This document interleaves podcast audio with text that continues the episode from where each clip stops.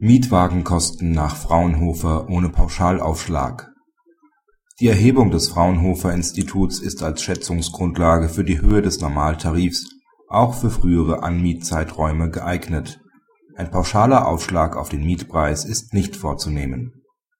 Das LG Hamburg sprach der geschädigten Mietwagenkosten auf Grundlage des Marktpreisspiegels des Fraunhofer-Instituts für Arbeitswirtschaft und Organisation (IAO) zu wobei es für etwaige unfallbedingte Sonderleistungen einen Aufschlag von pauschal 30 Prozent vornahm.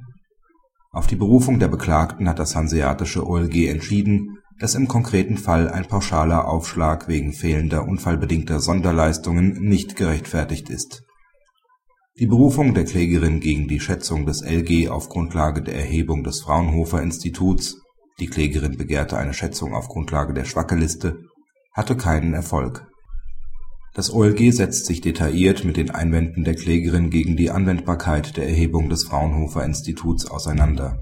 Hierbei kommt es unter anderem zu dem Ergebnis, dass weder der Umstand, dass die von Fraunhofer dargestellten Tarife eine Vorbuchungsfrist von einer Woche berücksichtigen, noch die Wahl der Postleitzahlenbereiche oder der Umstand, dass die Erhebung auf einem Auftrag des Gesamtverbands der deutschen Versicherungswirtschaft basiert, einer Anwendung entgegenstehen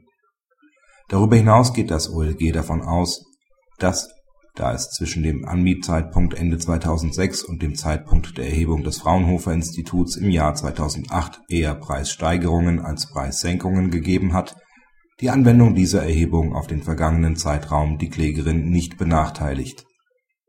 Bezüglich des Aufschlags für unfallbedingte Sonderleistungen meint das Gericht, dass es schon an hinreichenden Darlegungen der Klägerin fehlt welche einen solchen Aufschlag begründen könnten.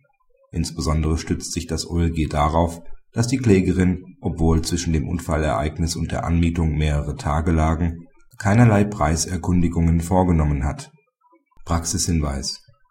Mit dieser Entscheidung liegt nunmehr eine weitere OLG-Entscheidung vor, welche den Mietpreisspiegel des Fraunhofer Instituts als geeignete Schätzungsgrundlage ansieht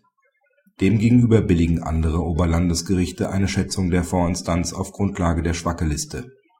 Der BgH wird sich in diesen Fällen der Schadensschätzung durch den Tatrichter auf seine Prüfungskompetenz in der Revisionsinstanz zurückziehen und diesem ein weites Ermessen gemäß § 287 ZPO einräumen. Eine Entscheidung für oder gegen eine Liste wird daher nicht zu erwarten sein es bleibt letztlich Aufgabe der in den Instanzen tätigen Rechtsanwälte, substanziiert zu den Schätzungsgrundlagen vorzutragen